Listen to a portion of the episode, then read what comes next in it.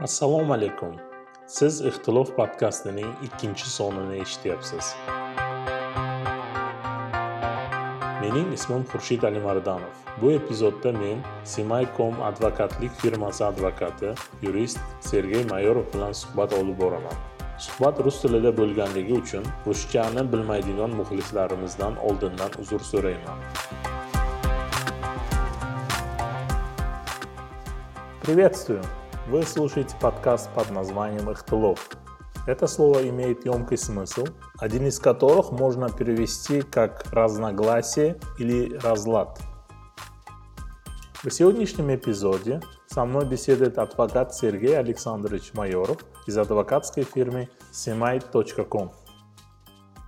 Сергей Александрович, расскажите, пожалуйста, о понятии презумпции невиновности. Здравствуйте. Презумпция невиновности – это международное понятие. Абсолютное большинство стран его принимает как обязательный принцип.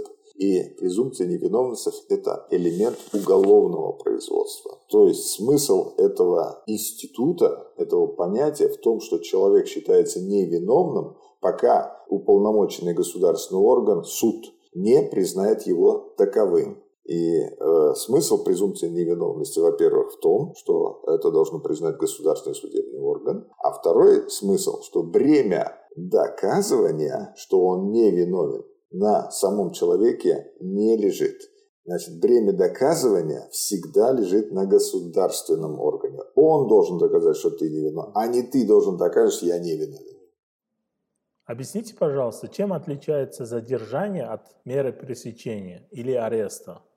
Содержание – это одна из форм воздействия правоохранительных органов на пресечение каких-либо противоправных действий. Но э, само задержание, оно может осуществляться и с различными целями, и в различных ситуациях очень не схожих. Я поясняю. То есть, если э, милиционер обнаружил или э, принял меры по задержанию или пресечению, допустим, хулиганства или еще какого-то противоправного, он, естественно, должен принять меры задержания этого правонарушителя. Или, допустим, у милиционера есть поручение задержать человека, в отношении которого имеется санкция. Это совершенно другого рода задержание. Или же имеется ситуация, когда следователь предъявил обвинение и принял решение о задержании этого человека для определения ему меры пресечения в виде ареста. То есть само по себе задержание, оно может быть очень разноплановым. Допустим, человек без документов, ну, вида э, не, не, неряшливого. Что он из себя представляет? Кто он?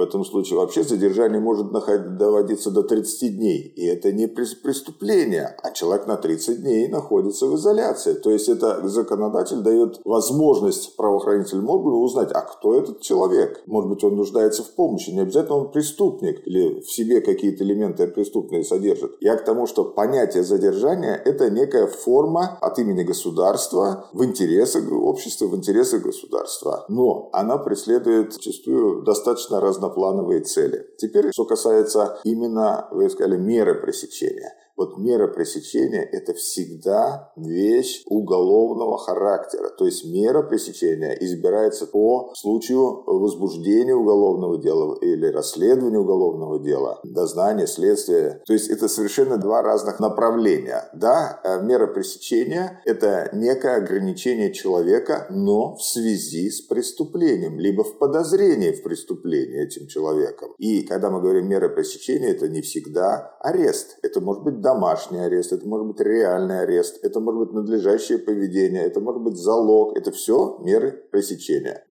Уточните, пожалуйста, в течение какого срока мы допускаем, что есть административное задержание, есть уголовное задержание. Сколько правоохранительные органы могут задержать человека? И при задержании должны ли они озвучить, за что задерживают человека? Значит, что касается, касается срока задержания. Есть статья 288 Кодекса административной ответственности. В этой статье расписывается, в каких случаях вот это административное задержание может делиться по времени. Вот, допустим, общий а, срок не более трех часов. То есть, если произошло какое-то происшествие, работники правоохранительно разбираются, вот в течение трех часов они должны определиться, этот человек потерпевший или он правонарушитель. Он весь побитый, может быть, в крови. И на первых порах э, непонятно, он ли был нападающим и получил какую-то ответную э, реакцию, или это потерпевший, который пострадал от хулиганов. И вот на это дается три часа. Но есть ситуации, когда и, может быть, для установления личности там до трех суток вообще. Если это человек без документов, может быть и до трех суток. И в отдельных случаях прокурор может продлить эти сроки. Ну, я уже говорил, и в отдельных случаях и до, до 30 суток, и до 30 дней может быть э, задержание для выяснения этого человека. То есть, э, вот так вот однозначно говорить, за насколько можно задерживать человека – в случае административного правонарушения или события, это не, некорректно, потому что ситуации могут быть совершенно различные и сроки могут быть различные. Но общий порядок 3 часа. То есть государство выдвигает требования своему правоохранительному органу, что в течение трех часов он понял, что это за человек и что с ним надо делать, если мы говорим об административном задержании. Э, какие у него да, права при задержании. Вот здесь тоже есть определенная коллизия. Если это, допустим, связано с задержанием по уголовному производству, то следователь, конечно, говорит, я подозреваю вас в таком-то преступлении. Для обеспечения э, нормального расследования в целях исключения вашего покидания города, населенного пункта, я принял решение о вашем задержании. Я буду обращаться в суд о применении к вам меры пресечения в виде ареста. Он обязан разъяснить и в каком преступлении он подозревается, и его права как задержанного, например, право на телефонный звонок, а сообщение, и права на заявление своего несогласия, и право не давать показания против себя. То есть вот уголовное задержание – это одна ситуация. А вот административное задержание, вот представьте, милиционер э, видит э, или приглашен, его позвали на происшествие, связанное с дракой. Нужно людей спасать нужно защитить от избиений или там каких-то других, или же остановить вероятного правонарушителя, чтобы он не убежал. И он будет разъяснять этому правонарушителю его права, уточнять, как его зовут. Так нет же, он его скорее возьмет за шкирку, чтобы довести до того положения, где в спокойной обстановке в опорном пункте можно разбираться. Поэтому вот этот момент, вы же задали вопрос относительно, как ему разъясняются права. Вот когда он его доведет до опорного пункта, вот там он ему обязан разъяснить его права. А в момент происшествия или сразу после происшествия по горячему участковый или инспектор профилактики, конечно, объективно не сможет все эти права разъяснить. А вообще, какие правоохранительные органы имеют право задержать человека? какие органы а, правомочно осуществлять административное задержание. В общем-то, это статья 287 Кодекса об административном ответственности записано. Это 9 чуть-чуть больше 9 органов, хотя 9 пунктов. Это органы внутренних дел, это пограничные войска, это э, военизированная охрана, это должностные лица военной автомобильной инспекции, это должностные лица Госкомитета по экологии окружающей среды, это таможенные органы, военные патрули и несколько категорий должностных лиц Департамента по борьбе с экономическими преступлениями, налоговые органы. И девятый пункт идет э, должностные лица Национальной гвардии. Вот перечень дан э, в этой статье, кто, какие государственные органы полномочны принимать решение о задержании. Какие права и обязанности имеет задержанный человек по нашему законодательству? Общий, э, общее правило, если государственные органы задерживают человека, то они обязаны соблюдать его права. Вот в этом смысле принципиального различия между административным задержанием и уголовным я не вижу. И в том и в другом случае правоохранительные органы ограничивают свободу этого человека и размещает его в неком, ну, назовем помещение, а, как правило, это опорный пункт милиции, либо следственный кабинет, это если это у следователя. И по нашему законодательству получается, что вот этот вот э, процесс или момент задержания, это не тогда, когда человека взяли, скрутили ему руки и запихнули в машину. Нет, вот когда его довезли до опорного пункта, начали выяснять личность и убедились, что он его нужно еще оставить на сколько-то времени, вот и составить об этом, кстати, протокол. То есть протокол будет составлен уже в опорном пункте задержания, а не по горячему на месте. И вот с этого момента считается задержание. А вот этот промежуток от момента, когда схватили за руку и довели до опорного пункта, он у нас пробел в законодательстве. Считать это задержанием наши законодатели не считают. Не считают. Не считают, пока не будет составлен протокол о задержании. Это особая процедура.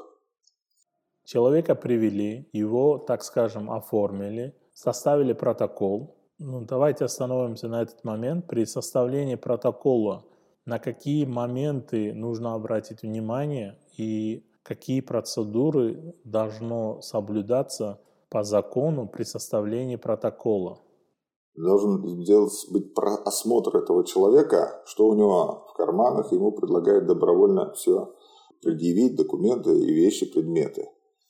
Второе, э, мы уже об этом говорили, должны быть его соблюдены права на сообщение близким родственникам о своем задержании. Естественно, закон не допускает каких-то унизительных или оскорбительных или физического воздействия, психологического воздействия на этих людей. Вот эти общие правила, они и для уголовного производства, и для административного производства. И вот здесь очень важный момент. Я с этим сталкиваюсь практически по каждому делу, где имеет место арест. В уголовном деле, я имею в виду. Допустим, человека задержали, фактически задержали, то есть взяли на улице и повели в следственный кабинет 15 числа, условно. Много-много часов с ним беседуют. Естественно, он уже лишен возможности передвигаться, то есть фактически он арестован или задержан, точнее. Но оформляет протокол о задержании только 16 -го.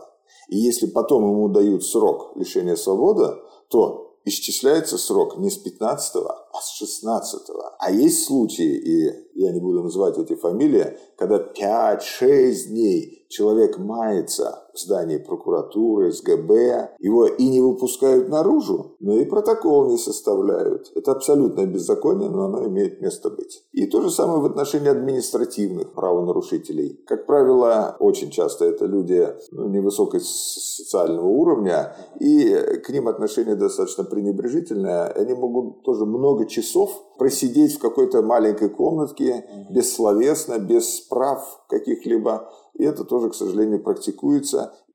Недавно в соцсетях я увидел видеоролик репоста телепередачи национального телевидения, где милиционеры, увидев э, двух сидящих девушек в девятом часу вечера в остановке, подумав о них, что они девушки, так скажем, с низкой социальной ответственностью, начали до них докопаться, мол, что вы такие молодые и такое время тут сидите. Вообще, милиционеры, которые должны работать только опираясь на закон, имеют ли они право осуждать человека, опираясь на какие-то моральные нормы?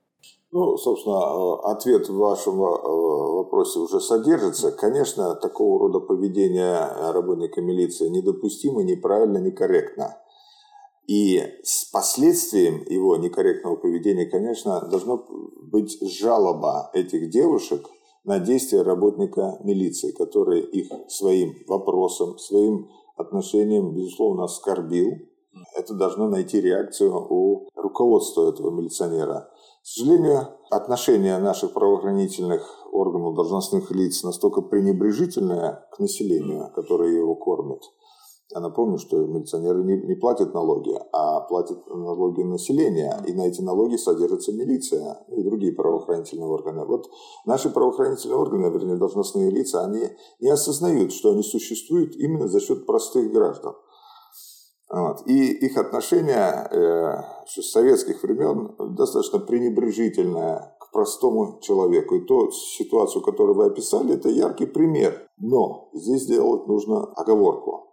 Дело в том, что ведь этот милиционер мог иметь поручение от руководства в поиске каких-то лиц, которые по описанию могли быть похожи. И тогда у него, наверное, были правовые основания к доставлению этих женщин и девушек в опорный пункт, наверное. Но судя по тому, как вы рассказали, он явно преследовал иную цель.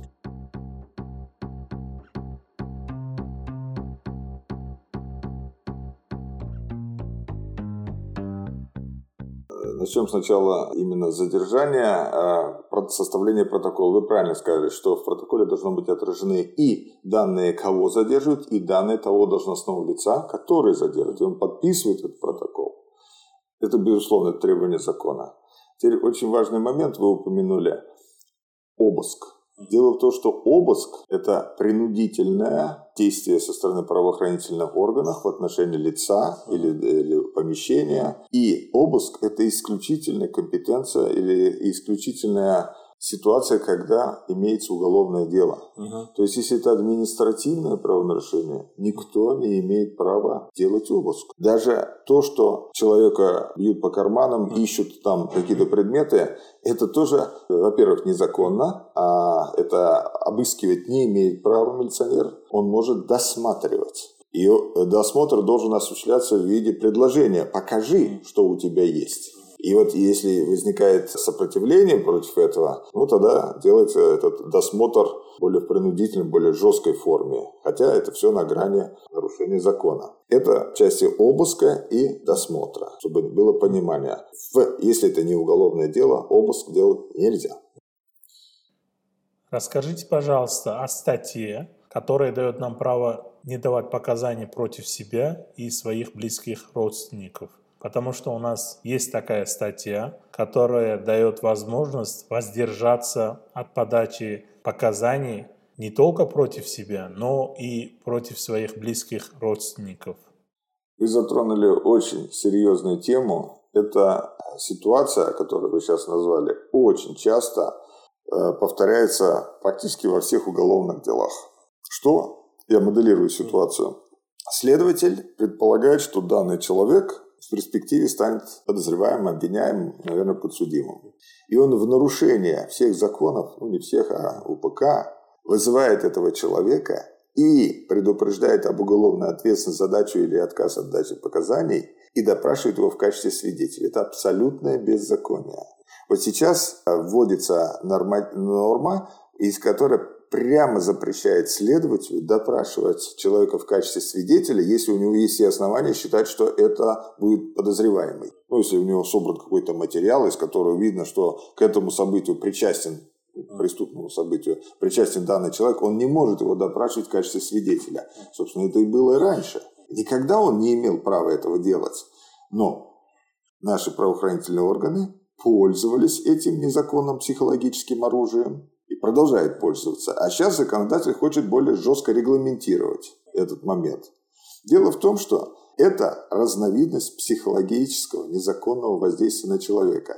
То есть следователь предупреждает об уголовной ответственности, заведомо зная, что это подозреваемый. То есть он мошенническим образом пытается выудить информацию от человека, когда он еще расслабленный, когда он понимает, что он свидетель, что мне бояться, я, я более того бояться, я обязан говорить правду или все, что, о, о чем меня спрашивают. Это абсолютное беззаконие. Теперь возвращаемся к вашему вопросу, то есть вопрос молчания.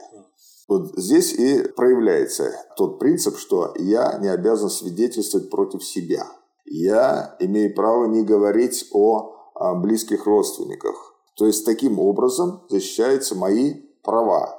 Права на защиту, права э, на неухудшение своего положения. И вот здесь наши правоохранительные органы жестоким, жестким образом не соблюдают права наших граждан. Первый вариант я уже сказал, когда явно человек э, в перспективе подозреваемый обвиняемый, его допрашивают в качестве свидетеля, предупреждая об уголовной ответственности. То есть это и есть психологическое давление на него, незаконное психологическое давление. В части близких родственников у нас есть статья в уголовном, я подчеркиваю, кодексе, в уголовном законодательстве о том, что запрещается допрашивать людей, близких родственников о задержанном или арестованном, или обвиняемом. Но есть недосказанность в этом законе. Допустим, человек, привлекаемый к уголовной ответственности, уже имеет давно вторую семью. И вот эта вторая семья, женщина, она ему гораздо ближе, чем та женщина, с которой он давно развелся. И вообще с ней не имеет никаких дел. Вот та женщина, которой он давно разв... не развелся, а они живут вместе, вот ее нельзя допрашивать, потому что она считается близким человеком а, задержанному. А вот женщина, с которой он уже много лет живет в, в гражданском браке, она не может быть и, и, отказаться от дачи показаний, потому что она не подпадает под категорию людей, близких людей этому человеку. Это противоречие. Ну да.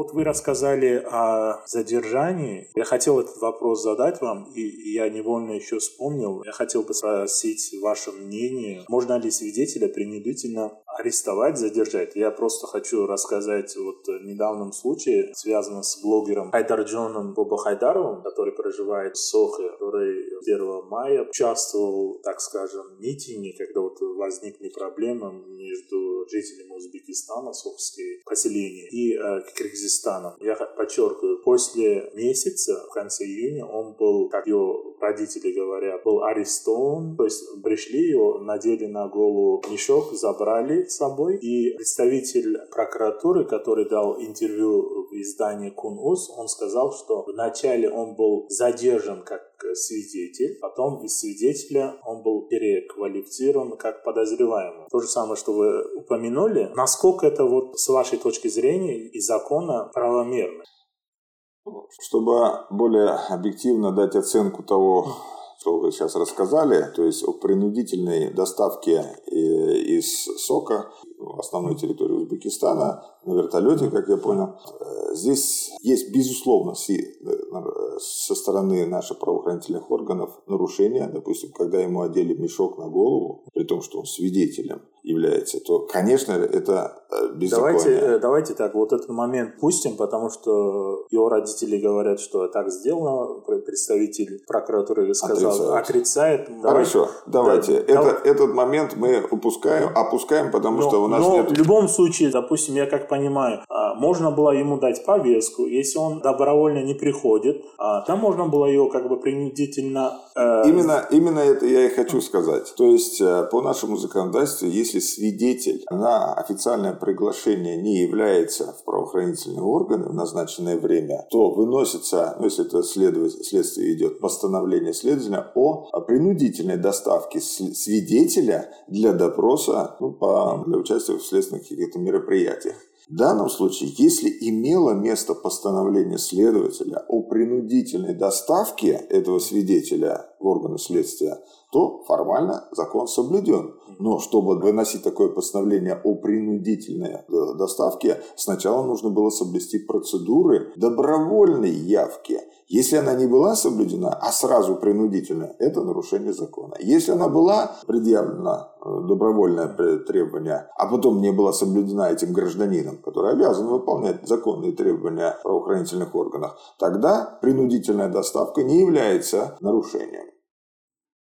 Ну да, я просто я хотел еще э, уточнить, потому что в течение 10 дней его родители не знали, где он находится физически, в каком отделении правоохранительных органов он находится и на каком основании он был задержан. Они не были проинформированы. Вообще, если в законодательстве при задержании или при аресте обязательно, я знаю, что есть такая э, норма, связана с несовершеннолетними, когда их э, арестовывают или задерживают в течение какого-то трех часов, по-моему, должны родители как бы оповещать. А насчет в, в таких случаях, есть ли какая-то обязанность правоохранительных органов оповещать родственников о задержании? И, ну так скажем, если идет следствие, я допускаю, что обвинений, на каком основании он задержан. Просто это исходит из того, чтобы когда человек знает, в чем его обвиняют, он, он может как бы оперировать законом и получать какие-то там юридические э, помощь, чтобы защищать себя.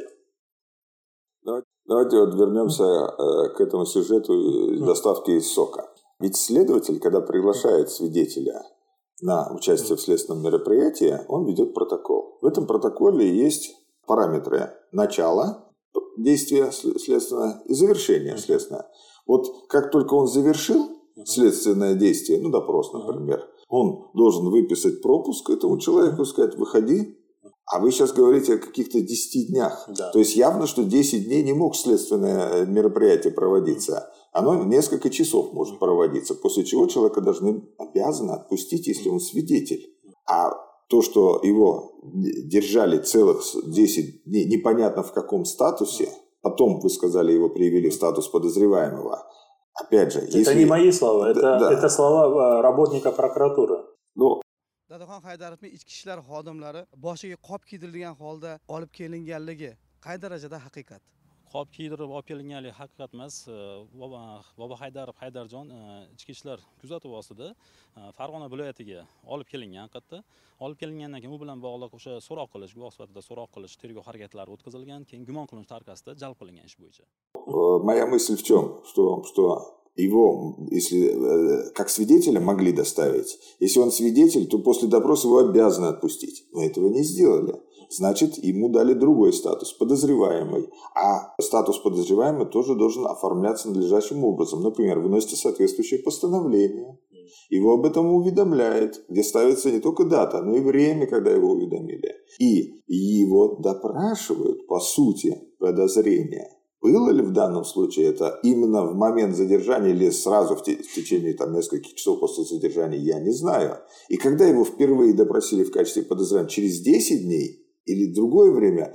То есть давать однозначную оценку э, действиям правоохранительных органов очень сложно, не имея фактуры, не имея документального ну, оформления, подтверждения. Но все это сделать очень просто. То есть допуск адвоката к этому делу позволит дать анализ действий правоохранительного органа, насколько они были законны или незаконны. И еще очень важный момент вы упустили. Дело в том, что по нашему законодательству уже несколько лет любой свидетель может не давать показания, даже будучи предупрежден об уголовной ответственности, лишь потому, что ему не дали адвоката. То есть он говорит, да, я все вам расскажу, но я хочу давать показания в присутствии адвоката. И следователь не может сказать, ах, ты отказываешься от э, дачи показаний, я тебя привлеку к уголовной ответственности, он не может так сказать, потому что не соблюдены права гражданина на помощь адвоката. Значит, следователь должен сначала обеспечить этому человеку адвоката, и только после этого, предупредив его об уголовной ответственности отказа от дачи или дачи ложного показания, он может, э, следователь, претендовать на последующее его привлечение к ответственности за отказ. А до этого у него нет никаких возможностей привлечь этого человека к уголовной ответственности. И вот, допустим, случай, который вами приведен, когда из СОКа на вертолете человека доставили, у этого человека тоже было право на адвоката. И он мог как свидетель ни о чем не говорить, пока э, не будет обеспечена его возможность на помощь адвоката. Вот это очень важный момент, который ну, не учитывается нашими гражданами. И вот это вот психологическое воздействие со стороны следователя, я предупреждаю тебя об уголовной ответственности за отказ. И все, человек э, теряется. А о том, что он скажет, ну, пожалуйста, я все расскажу, но только после того, как э, мне обеспечите моего адвоката. Вот этот момент надо очень иметь в виду. Один момент. Э, я хотел бы знать, э, когда производится обыск, мы выяснили, что обыск производится только в уголовном делопроизводстве. Если человек, который э, так скажем, производится обыск, если он просит вызвать его адвоката и э, произвести обыск в присутствии его адвоката, должны ли органы, которые ведут, э, ну, выполняют этот э, обыск, дождаться появления адвоката?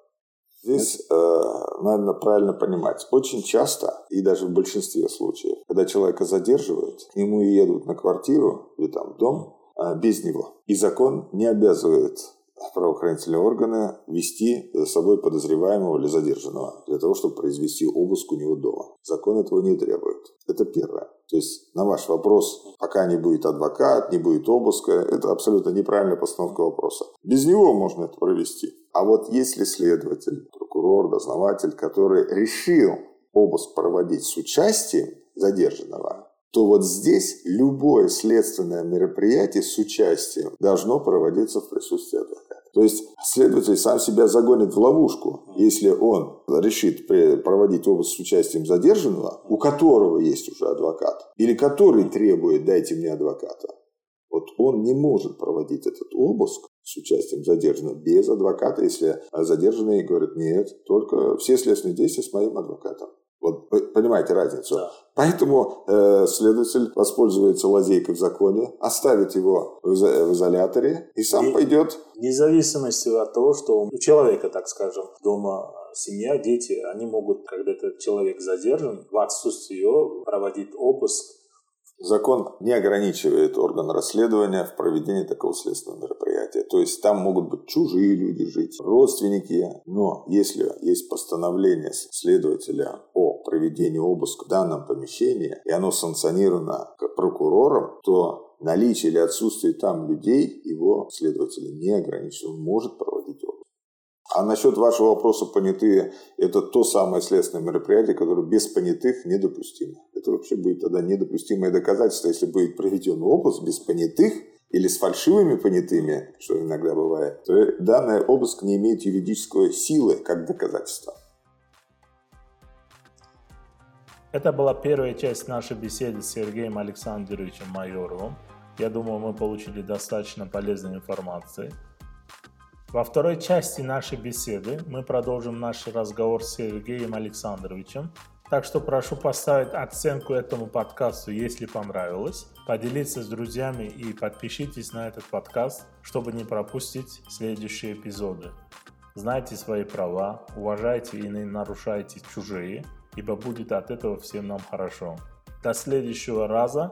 Услышимся!